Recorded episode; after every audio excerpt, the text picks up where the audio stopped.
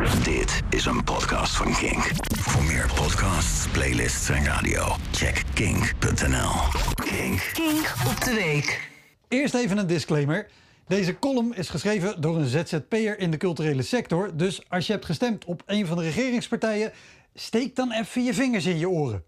Beter nog, zet je radio maar gewoon uit, joh. Hè? Al die muziek, dat is leuk en aardig, maar er hangt geen prijskaartje aan. En dan is het voor deze demissionaire regering waardeloos.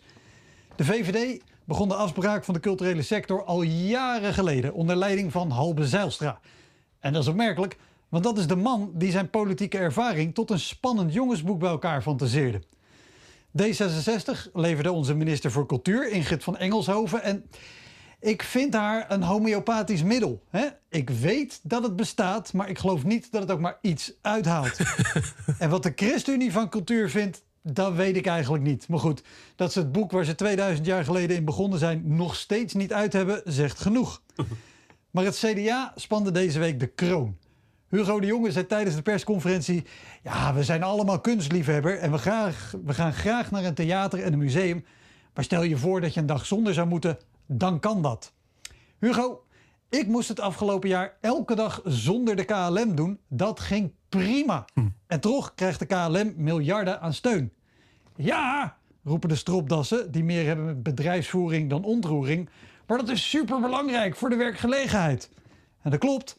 KLM-topman Ben Smith maakte gelijk gebruik van de gelegenheid om zich een bonus te geven voor zijn werk.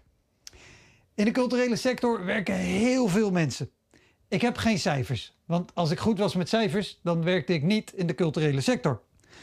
Maar cultuur is meer dan de artiesten. Het zijn de technici, de mensen in de garderobe, de foyer, de boekers, de tentenbouwers, de cateraars, de posterontwerpers. Ga zo maar door. Wij zitten niet één dagje zonder werk, we zitten al meer dan een jaar zonder werk. En dat niet alles in één keer open kan, dat snap ik. Dat je milieuzaken in pla- meubelzaken in plaats van musea opent omdat dat meer geld oplevert, snap ik ook nog wel, maar zeg dat, dat dan eerlijk. Want wat ik niet snap is de structurele minachting voor kunst en cultuur. De linkse hobby's.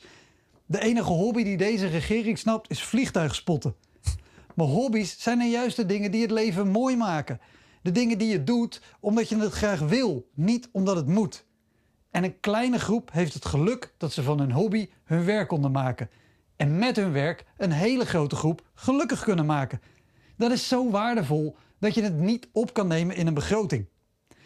Alles van waarde is weerloos.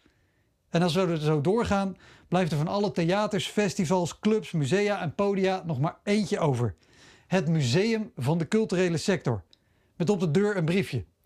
Wegens omstandigheden gesloten, zet maar een DVD op. Dit was een podcast van Kink. Voor meer podcasts, playlists en radio, check kink.nl.